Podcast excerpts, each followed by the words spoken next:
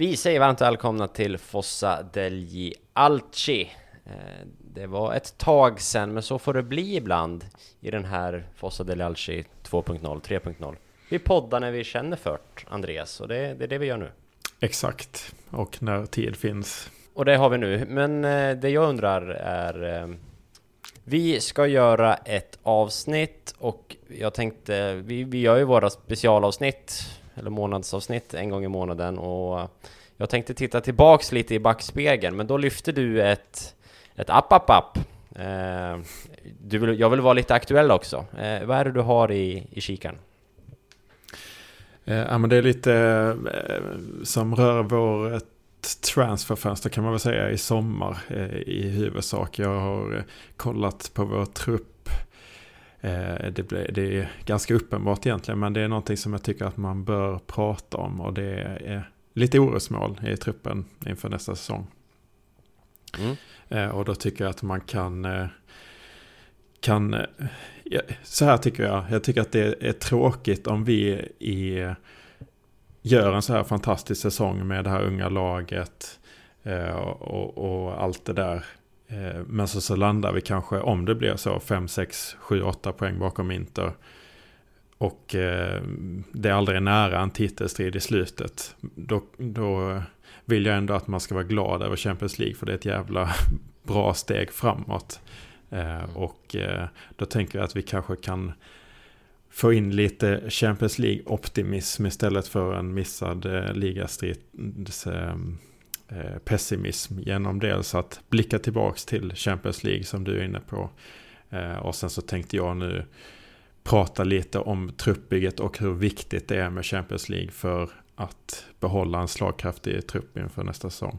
Men då tänker jag så här Andreas, då kör vi din spåkula tänkte jag säga, men vi, vi tittar framåt i alla fall mm. eh, först och låter det ta den tid det tar och sen sätter jag mig vid mitt eh, klippbord och sen skickar vi ut det i etern ASAP. Eh, och sen återvänder vi hit och eh, spelar in ett avsnitt om Champions League bakåt i tiden. Och det är det jag har förberett. Och det är inte vilken Champions League som helst, utan det är Champions League-säsongen 2007. Och jag ska göra mitt yttersta då för att försöka måla upp det så bra som möjligt. Det låter väldigt bra. Det ska bli intressant att lyssna för min del, för det tillhör inte vanligheterna. så är det. Så är det. men vi rullar introt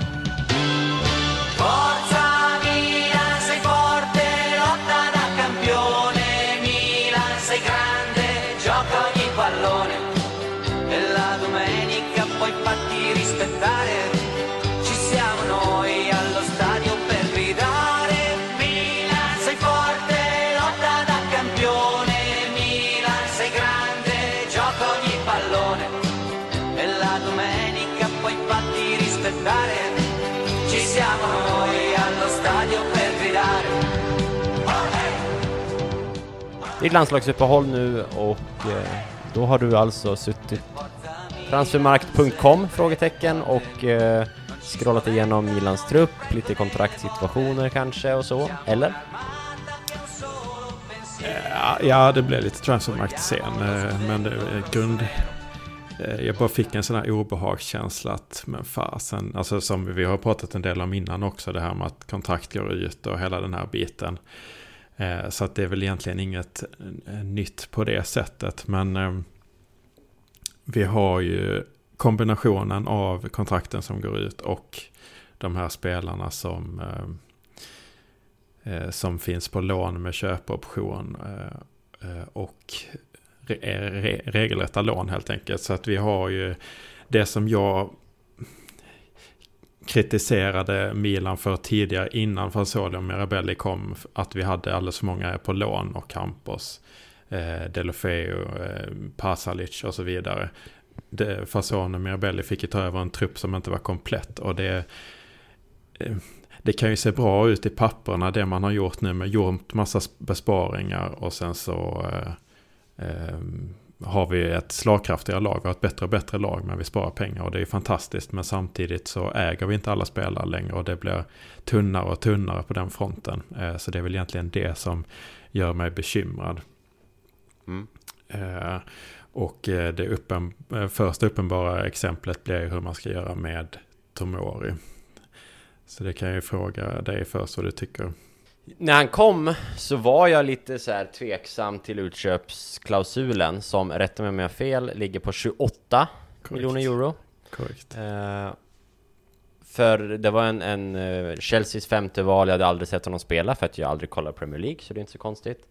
Och knappt hört talas om honom, men uh, så som han har presterat nu och presterat de senaste matcherna, alltså senaste månaden eller kanske månaderna, uh, Ehm, så känns det som en så här no-brainer. Ehm, med förutsättningar att vi inte vet hur hans lönekrav och så vidare ser ut, men eh, bara liksom övergångssumman, absolut värt 28 miljoner. Jag tycker han har presterat, eh, överpresterat. Eh, eller ja, han har presterat mycket, mycket bättre än förväntat.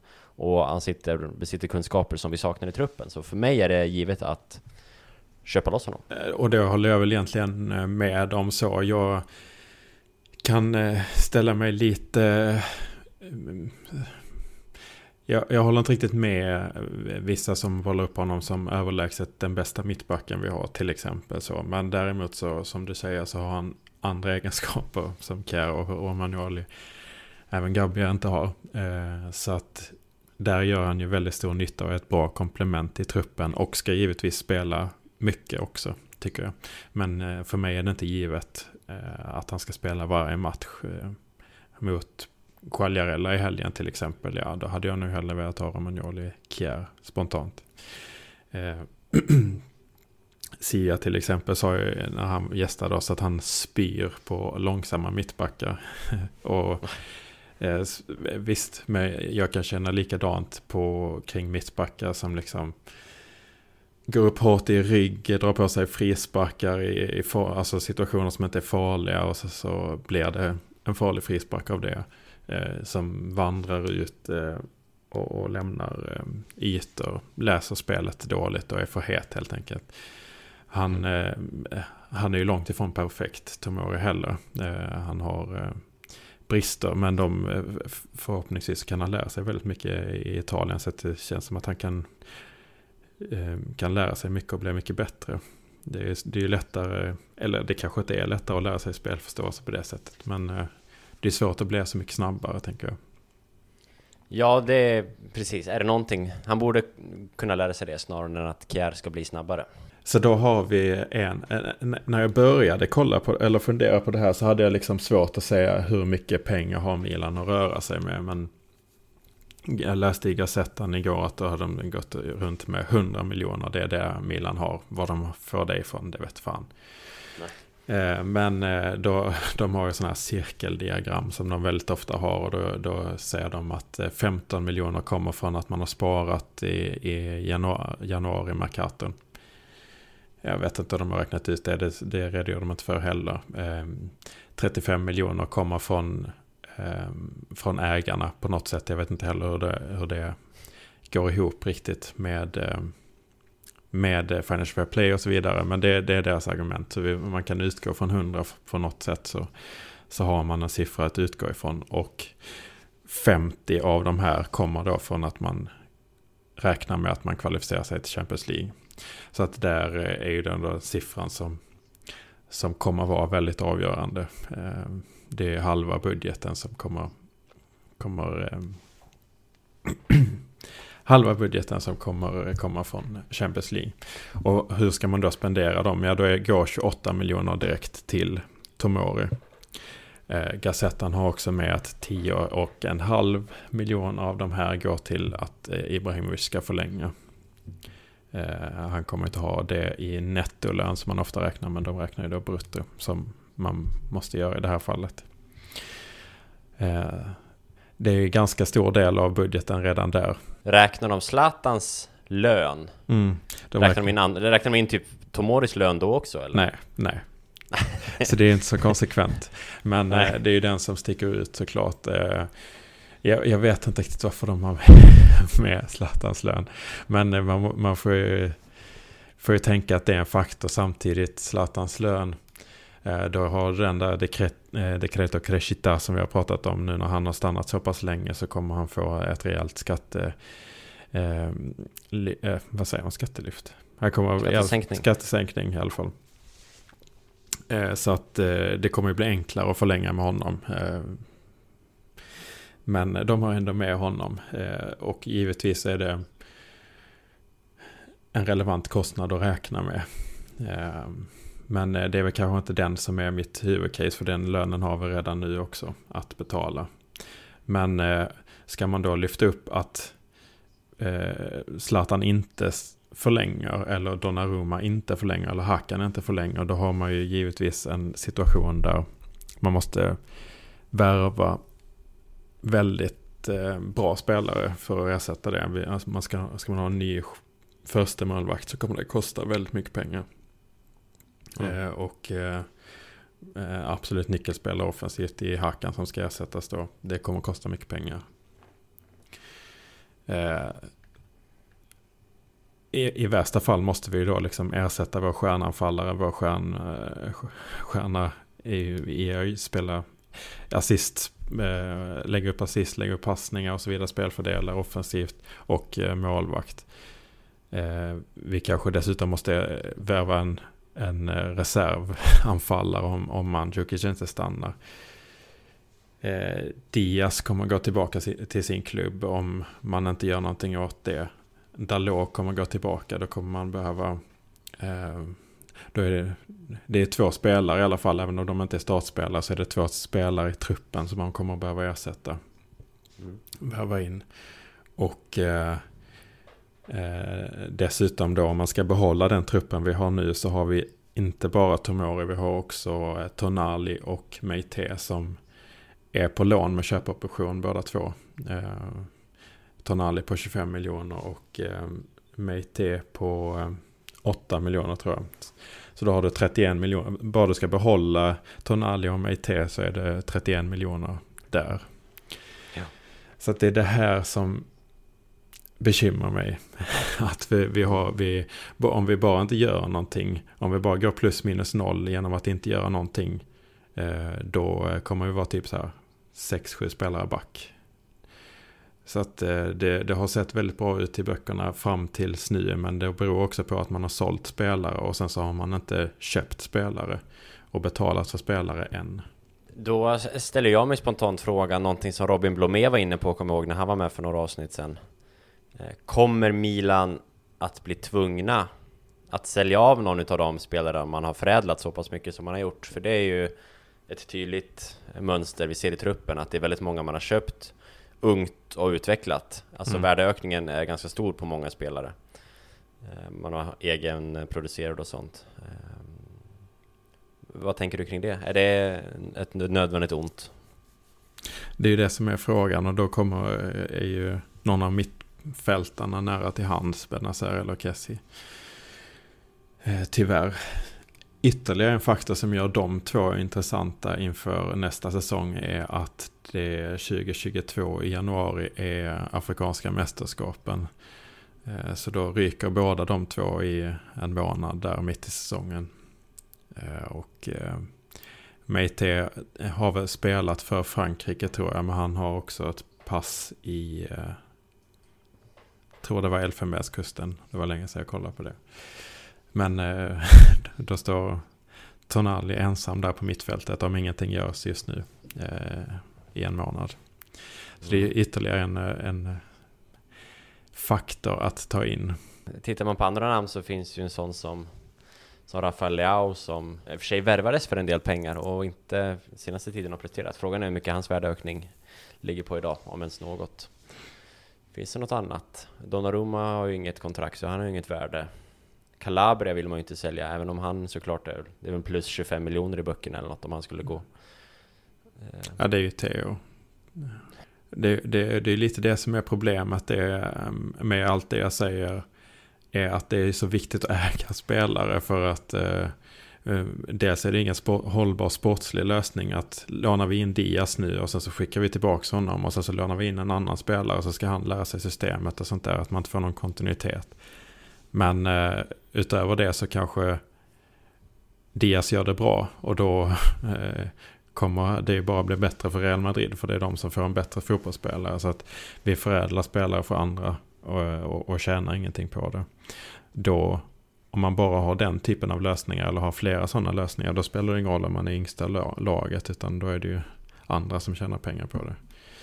Eh, så att det, det är det som är orosmolnet. Sen när jag blev så pass eh, nojig inför det så har jag väl lugnat ner mig lite för att om man trots allt ska kolla på våra konkurrenter så, så ser det ju inte jätteljust ut för Inter som är jättegamla och, eh, och eh, inte kan betala för Hakimi.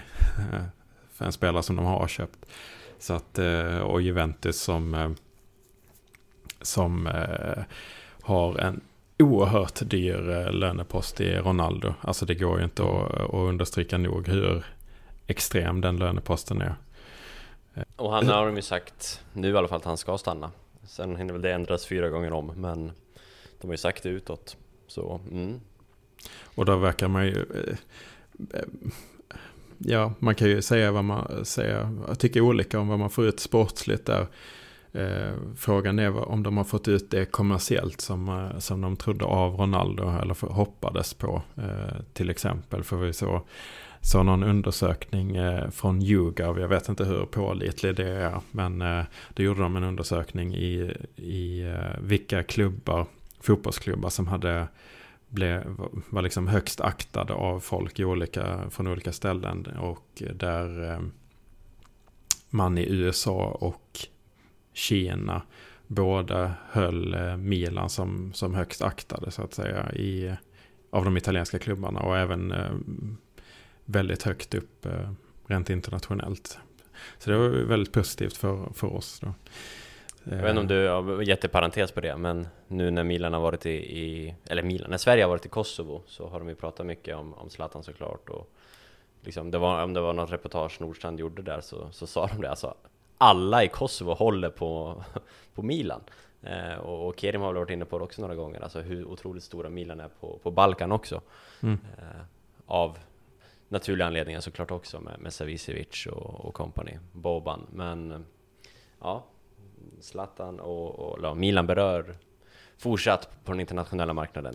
På grund av Champions League såklart. Eh, som, som lever kvar och som ju vi ringar in hela de här två avsnitten med.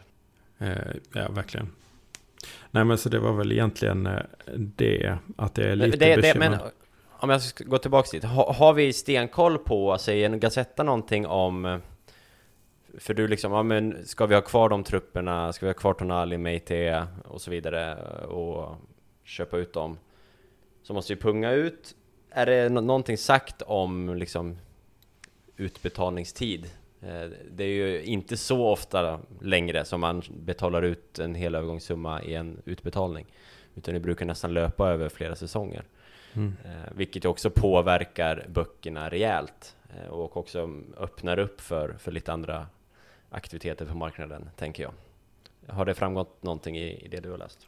Nej, alltså egentligen de här tankarna jag har har jag inte läst i Gazettan. Utan egentligen det enda jag tar från Gazettan här är de 100 okay. miljonerna som jag inte vet riktigt vad de får. Men, men de hade, det var ändå någonting att utgå ifrån att då har man en siffra. Ehm, men eh, eh, det, det, har de inte. Jag tror att man har sysslat med avbetalningar väldigt länge. Men, eh, men det har ju pratats mycket mer om det nu på senare år.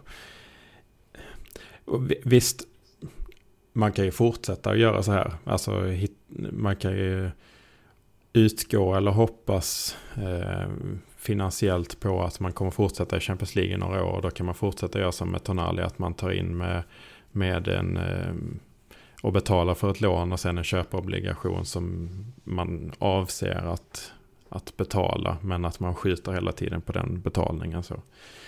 Eh, tills man får stabila Champions League-intäkter då på 3-4 år kanske.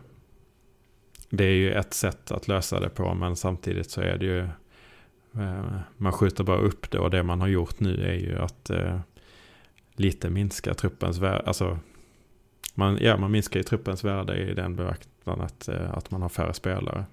Mm. Absolut. Och det, det gör ju det är ännu viktigare att man faktiskt förlänger med de här spelarna.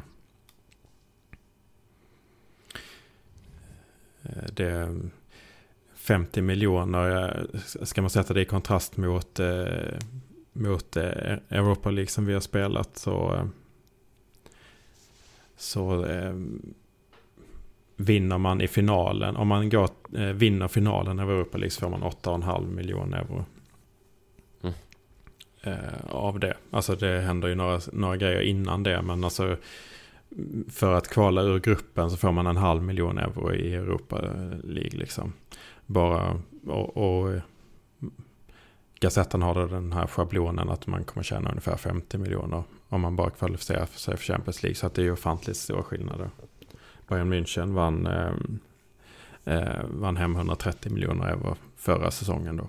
Det är ju snackat om att man har peggat upp för det här kravet att man ska komma till Champions League. Du inleder det här med att säga att vi kanske inte ska vara alltför besvikna om vi hamnar 10 poäng, 8 poäng efter Inter.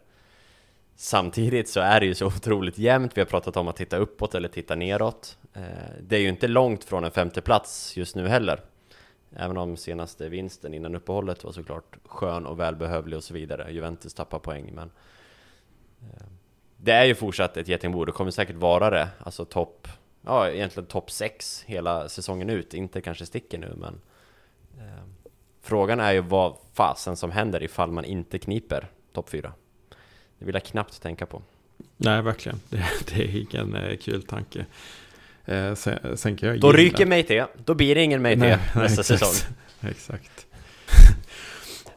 nej, men eh, alltså jag kan gilla ändå att man har eh, dubblat och spe, satsat på Europa. Och det, eller det, jag får känslan av att man gör det och det känns som att man verkligen eh, brydde sig. Alltså kolla på eh, Pioli eh, som kallas Padre Pioli, alltså fader Pioli i Italien som alltid Eh, som gör det för att han är så lugn och, och behärskad och, och eh, lite filosofiskt lagd eh, typ sådär. Han var ju inte nöjd när vi åkte ur eh, Europa League. Nej. Eh, och svor mot Solkär. Ole Gunnar, vad är det de kallar honom i Tutto Bondkatten från Molde va? Precis. Ja. Så äh, men, eh, jag tycker, ska man ändå, ska vi vara en Champions League-klubb så måste vi också vara, vänja oss vid att kunna hantera två turneringar samtidigt. Inte kan ju bevisligen inte det. Det har de visat i många år nu. Ehm, så jag tror ändå att det här har eh, gett oss bra förutsättningar inför Champions League nästa säsong. Att vi ändå satsade, visade att vi kan stå upp mot ehm, andra stora, europeiska klubbar. Ehm, jag tror att framförallt kanske Pioli har lärt sig mycket av det här med att matcha så tätt. Att han eh, kommer att behöva rotera. Det kanske är en av få saker man kan kritisera honom för. För vi har ju faktiskt sett att när det har roterat så har det faktiskt sett rätt bra ut både mot United och Hellas till exempel. Eh, så att ehm, ja, jag tror att, att eh, alla, kommer, alla har lärt sig mycket av det här eh, att dubbla liksom. Och det kommer vi behöva kunna. Det är spännande och skrämmande samtidigt. Och, och du bara nämnde det kort, men vi sitter ju på de situationerna med Donnarumma och Hakan Çalhanoğlu som, som är riktigt, riktigt intressanta ur ett sportsligt perspektiv. Och eftersom det här kanske inte är den mest aktuella podden så kommer vi väl inte gå in på vad det senaste som stod i tidningarna, men hur, hur är dina känslor kring de eh, förlängningarna? Vad tror du just nu? Tror du de blir kvar? Har du något så här, jobbar du med magkänsla eller? Jo, vad, är, eller så här, vad är sannolikheten Andreas Persson att de stannar? Nej men eh, ja, magkänsla är viktigt. Det är, eh, om man grundar det på, på något slags rätt saker. Eh, jag tycker att det är såklart jättesvårt att bedöma. Det som ger en hopp är ju också det här att, som jag nämnde lite, att det är inga andra klubbar som mår sådär jättebra. ekonomiskt och där kanske Milan nästan sticker ut i positiv bemärkelse i och med att man har gjort en del besparingar och, och sådär. Så att eh, frågan är hur många klubbar som har råd med det. Eh, mm. det eh, men det är ju väldigt jobbigt att sitta i ett förhandlingsbord när, där eh, Raiola är den andra parten och det är han som har eh, trumf på hand. Det är ju ingen övergångssumma och, och lönen har de ju. De har inte tvekat tidigare på att investera i målvakter, Chelsea till exempel. De skulle kunna gå för en tredje, tredje på raken nu, eh, känns det som. Eller så, Manchester United pratar ju också om, om en målvakt och de går ju också starkt, i alla fall sportsligt nu. Så Nej, Donnarumma är jag orolig för. Eh, mm. Jag känner väl just nu att Hakan känns ju betydligt närmare en, en förlängning än vad eh, Gigio gör. Sen, sen har väl Donnarumma ett större Milan-hjärta, ett ännu större sådant. Och, och, hoppas att det kan väga in och att det är Reola som, som spelar orm, eller som är orm. Men eh, stannar Donnarumma så kommer det bli på, på jobbiga förhållanden säkert en ännu, ännu högre lön och kanske även en klausul i det där. Jag vet inte. Nej, precis. Men, en fördel med att ha Raiola är att han har ju de andra spelarna. Stannar Zlatan så finns det större sannolikhet. Eh, och det är ju ganska stor sannolikhet att Zlatan stannar känns det som. Stannar han så ökar sannolikheten att de andra stannar känner jag. Dels för att de delar agent men också att de känner väl att den eh, sportsliga satsningen är, är är tillräckligt bra för att man ska stanna kvar. Samtidigt så har ju också Raiolas andra stjärna är ju Paul Pogba i Manchester United. Eh, kanske kan en värvning av Donnarumma, att, att Raiola plockar Donnarumma till United får Pogba att stanna också. Eller något i den stilen. Eh, att Zlatan blir kvar i Milan, det, det, finns väl inte så mycket alternativ tänkte jag säga. För Zlatan. Nej, jag fattar hur du menar, men eh, Raiola är ju med i, i fler klubbar och styr och ställer. Absolut, men kanske inte så tydligt som här. Nej, jag hoppas och önskar att, att bägge stannar. Skräll, eh, men... Mm. nej, jag är orolig är jag. Jag fattar det. Jag gillar inte de här ryktena när Milan börjar kolla på målvakter nu och vilka det är. Inte för att det är dåliga målvakter, det är bra målvakter, men bara faktumet. Mm. Man har blivit bortskämd med Donnarumma nu.